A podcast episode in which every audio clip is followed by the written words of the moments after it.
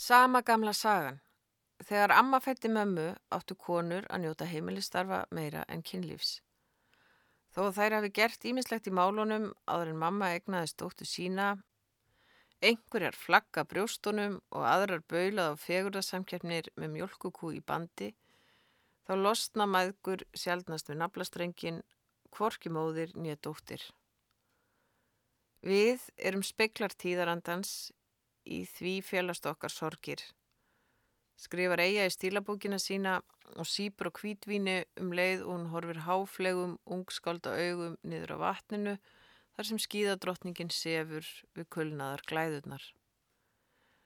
Í augnablíkinu er sjálfsgagrinin gufið upp. Nú er hún aftur búin að öðlast trú á orðunum sínum að minnstakosti byli. Kanski hefur það eitthvað að gera með kvítvinstegundirnar. Hún var með aðra og sætari sort í sumarhúsinu sínu. Nú finnst henni hún vita svo mikið að hún skilur ekkert í sér að finnast hún yfirleitt ekki vita neitt. Hún veit ekki að hún er að skrifa gamla tuggu sem allir vita en gleima. Hún er álíka fjarið því að gera sitt besta og í fyrstur hengjörningunni með skíðadrottningunni en í augnablíkinu skinnjar hún einungis yfirburði sína yfir mannkynnið Alkohólmagnið í blóðinu magnar nýfengna sigurvissu eftir endurhæfingu síðustu daga. Hún sípur af stút, vínið í flöskunni er farið að súrna. Það fyrir að líða því að hún opni hina flöskuna. En þessi dugar í nótt. Þegar hún stýgur út úr sjálfri sér, berleggjaðri í turkisbláum bómullakjól með glerblómum og inn í veruleika mömmu sinnar. Mamma er nýfætt. Hún grætur. Ég fangi mömmu sinnar. Þær gráta báðar. Egar staldrar við í sögunni sem var að hefjast rétt í þessu þegar ammalaði barnið grátandi í vögguna. Hún ætlar að faðma þær. Þegar amma kvíslar bless hjarta mitt, mamma kemur aftur. Hún kemur. Amma var líka sendt til Svíþjóðar, alla leðina til Súndsvall. Það rifjast uppur eigu þar sem hún er stödd með hægri fótinn í sögu ömmu sinnar og þann vinstri í sögunni sinni. Einn í sænska sumrinu meðan veruleikin kræmar á Íslandi, líkt og þá. Þorsti. Hún beigð átekta og reyndi aftur en allt kom fyrir ekki. Hún gati ekki mjólkað og barnið orgaði svo þyrst að Þorstin átti eftir að leita á það út æfina. Hvað var aðinni? Hún gati ómjöla bórið áhyggjurnar undir eigimannin sem vildi helst ekkert vita um lífræðina í manneskunni. Hún var ekki eins og hún átti að sér að vera. Eitthvað svo dom. Átti hún ekki verið í hamingurúsi núna? Hvað var aðinni? Hún var, eftir allt saman, og skup eðlileg kona, eða hvað. Auðvitað höfðu bæði meðgangan og fæðingin verið ofinu erfiðar og ekki bætt úr skák. Nei, hún mátti ekki velta sér upp úr svoliðis tillingaskít. Og þó, innstinni ángraðið hana ennþá að bæði sistrinnar og góðvinkuna skildu að hafa fyllt honum til útlanda í sína vanalegu skáldasiklingu. Báðar geislandi af þokka og djúpigli þegar upp á þróun heimsins voru rætt við kvöldverðaborðið með skipstjórnum. Vitaskuld hafi verið gífileg hjálpið þeim og hún hafi lagt sér fram um að skipulegja þetta allt saman. Því var samt ekki að neyta að þetta hefði allt mátt vera öðruvísi, einhvern veginn. Sennilega hafði hún verið ómikið einn heima. Kass ólétt í mannheðarháum sköflunum að skrafa við hundin og öll eitthvað svo ómuleg. Það þýtti ekki að fást um það. Tíminn hafi verið lengi að líða í fjárfyrrans þeirra. Hún þekkti mannin sinn nógu vel til að vita að hann nöyð fegurðar framar öðru í öllum sínum myndum og líka óræðu leikjum sem kvikna þegar tvær skemmtilegar manneskur hittast. Hún vissi að heimurinn heldur áfram að vera fullur af skemmtilegu fólki þó að maður gifti sig. Nokkuð sem hún átti eftir að segja dóttu dóttu sinni hálfur öll síðar. Það var ekki við stöllutnur að sakast, hún gat þó allavega trist þeim og hann var stöðugt umvafinn glæsikvendum en það glæsilegur maður. Einstaka sinnum, þegar síst varði, hafði hún fundið fyrir ónótum. Rétt fyrir svefnin, þegar hún horfið við svartan dalin og hlustaði á gnauðið í vindinum meðan þau voru í veistlu með öllu þessu áhugaverða fólki og glæsilegu konum.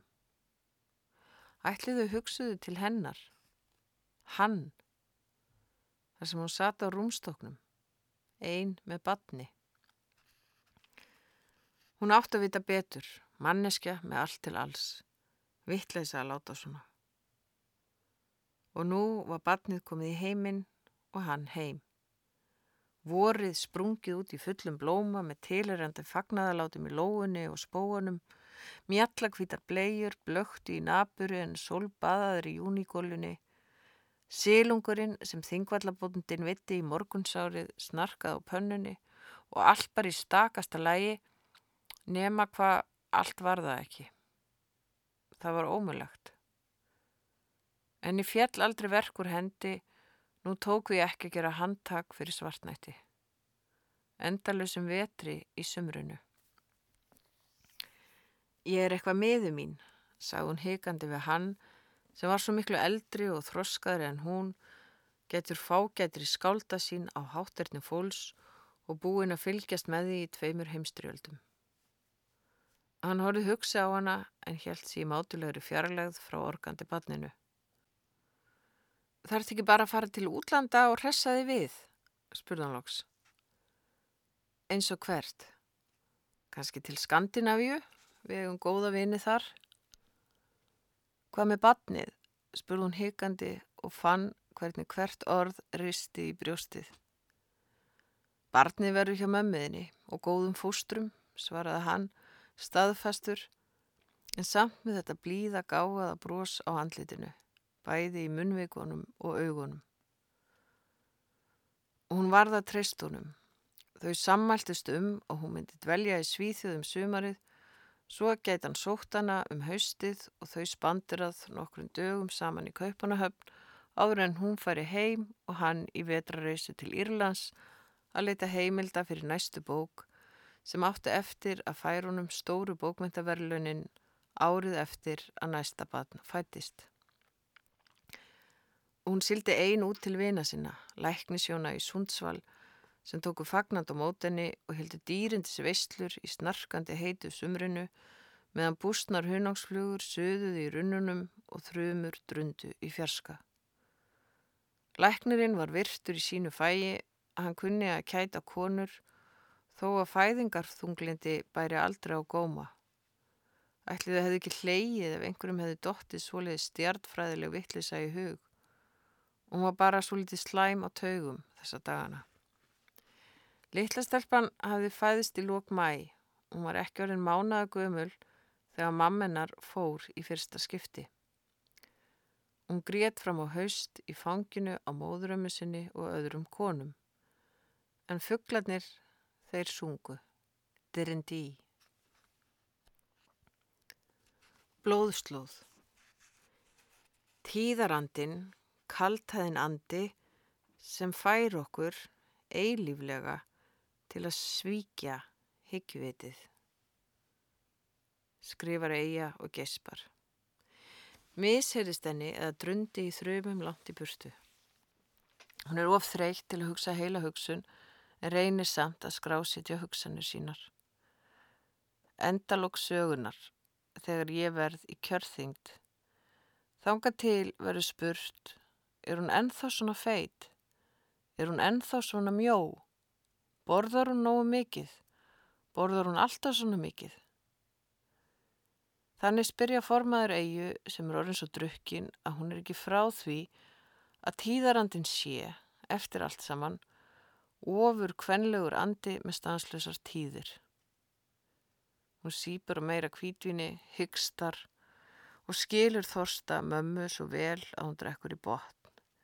fyllir aftur á glasið, drekkur meira, skrifar.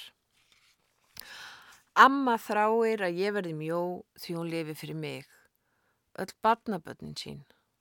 Hún bjargar alltaf öllu þegar allt fyrir til anskotans.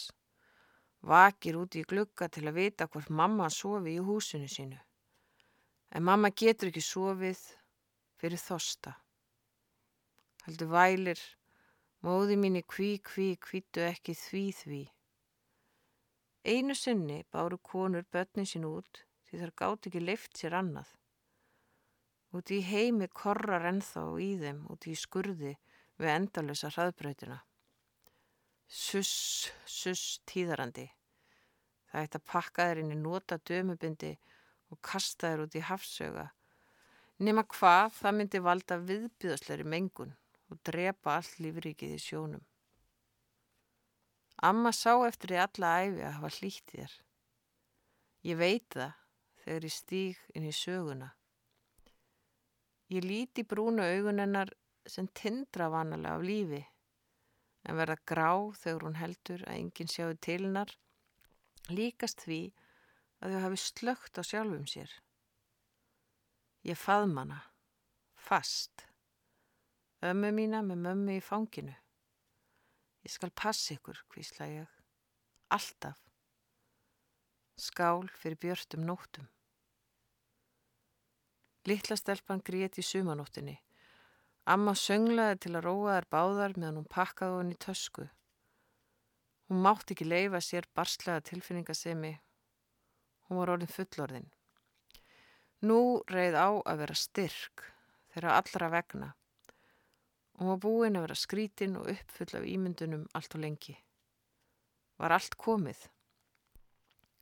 Sumarkjólar í fatapoka X sundbólur og sundhetta X, njásokkar án sömsprettu X, straujaðir vasaklútar X, endalust myrkrið í sömrinu X. Bless hjarta gulli mitt, ángan fína imba frans. Ég kem aftur, lofað hún og kynkti hnullungi. Littla stelpan grét af hungri í mömmu sína þegar hún flegði sumarkápu yfir axlinnar. Síðan greip hún í handfangið á ferðartöskunni og lokaði augunum til að snögg kæla í sér hjartað eins og ágavítisflöskuna inni í fristi. Þau pappi fengu sér ávalt eitt staup fyrir matin. Fórugt kunni að drekka í óhófi. Hvernig áttu þau óra fyrir því að badnið öskraði af óseðjandi þorsta? Hann sagði í bríaríi að fátt væri hotlara börnum en að missa foreldra sína og hún brosti án þess að vita hvort hún brostið orðum hans eða honum til samlætis. Það kom út á eitt. Litteratúrin er óræður, svo mikið viss hún. Hún vissi líka að ólétt kona þykir ekki merkilegur litteratúr. Stóri sól fylgja langir skuggar Ángan fína, imba frans. Stóri sól fylgja langir skuggar. Ángan fína, imba frans. Móðurinn var vart sild úr landi og fadurinn eitthvað annað þegar dullræni klúburinn greif til sinna ráða.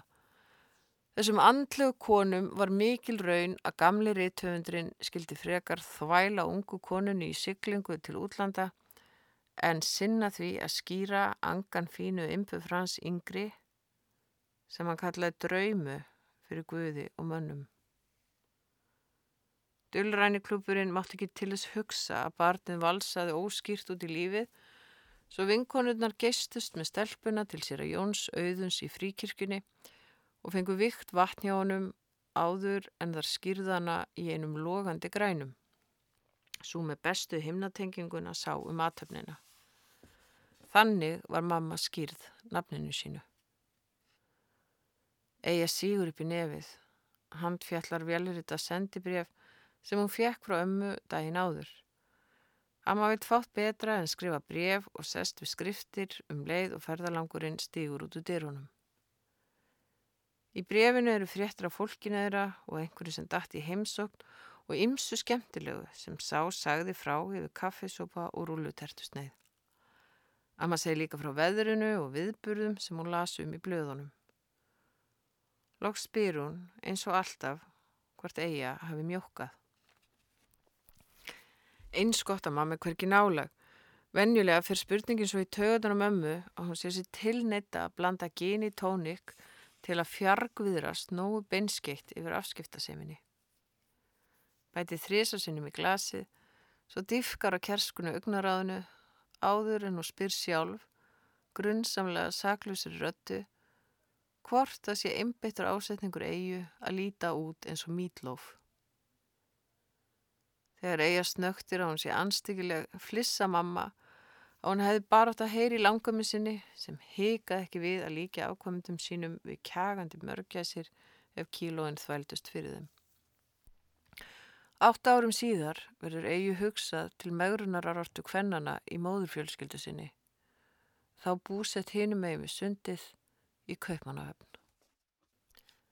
Megrunakúr að handan Í framtíðinni á hún eftir að heimsækja spákonu á Östubrú. Hún hleypi frá tölfunni, önnum kafin að skrifa bók, svo annars hugar að hjólreðamennir rópa þar sem hún sílast á ískrandi hjólgarmi niður Östubrúgötu eins og skriðtryggi sem ekkert fær hakað. Úvinn hárlupin feikist fyrir augun eins og þá. Fötinn álíka púkaleg og þá. Brjóstinn hossast undir tegðum rauðröndóttum ból. Skálmarnar og þunnum buksum úr H&M flækjast reglulega í petulunum. Henni er alveg sama. Meðan andvarinn leiku við skilningavitin og hugsinir brjótastum í höfðinu í eilífri viðleitni til að raða sér á einn eða annan hátt upp í sögu, þá kvílur hún í eigin skrokki. Þess að stundin að leita samt á hana hvert hennar eiginsaga stefnir. Svipa og þegar hún var lítil og stalslega renni við loka síðu bókarinnar svo hún þyrði að lesa hana til enda. Á hún eftir að skrifa fleiri bækur eða á hún eftir að eignast barn. Spákonan býr eins og konundan í viðtölunum í allt fór daminni. Í hvítri íbúð með lökkuðu viðagólfi og hvítum húsgögnum með ljóskerti í hvítum glukkasillum. Dagurinn kemur til með að vera logandi hvítur í minningunni.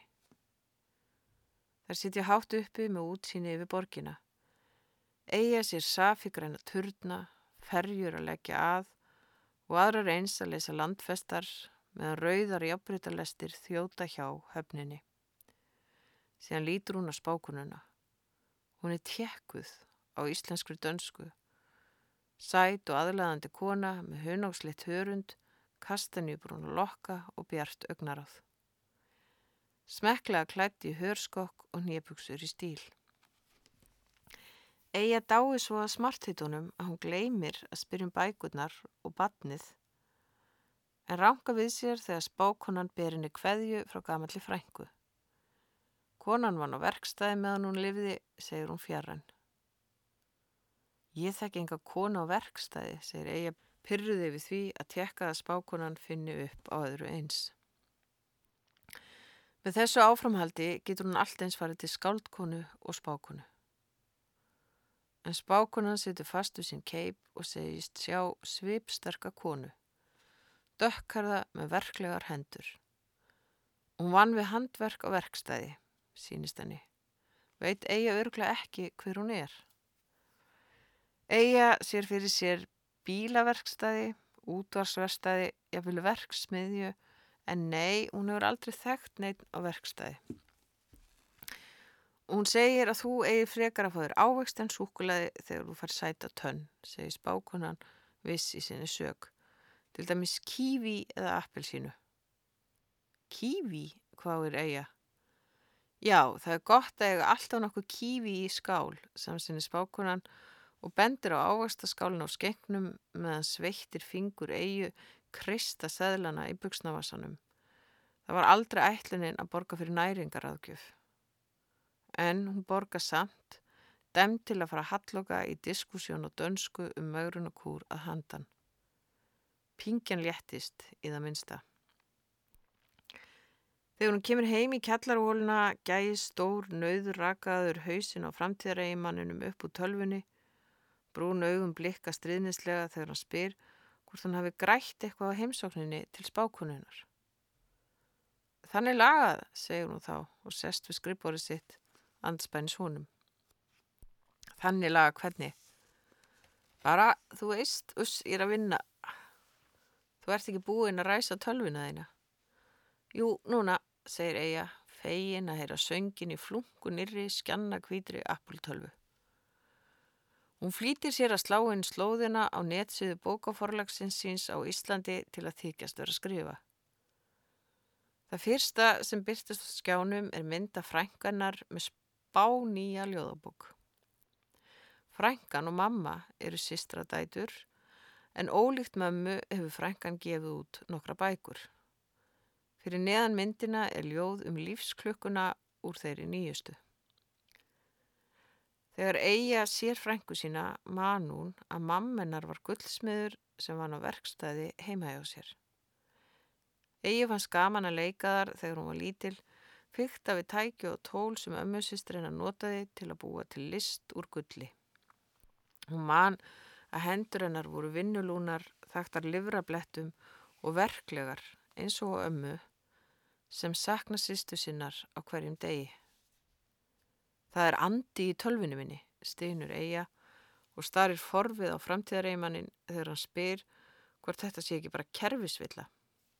Hann eigi og eftir að koma forritunum almennilega í gang. Nei, þannig ljóð eftir sýstu dóttur ömmu, segir eiga andatug. Ég fekk skilabóð frá þessari ömmu sýstu minn áðan. Hún sagði ég ætti að fyrir megrun og bora kífi í frekar en súkulæði. Hann flissar.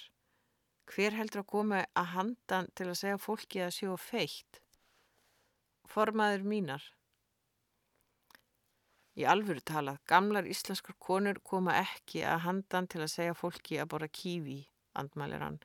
Þær myndu segja þær að borða rófur, í bestafalli eppli.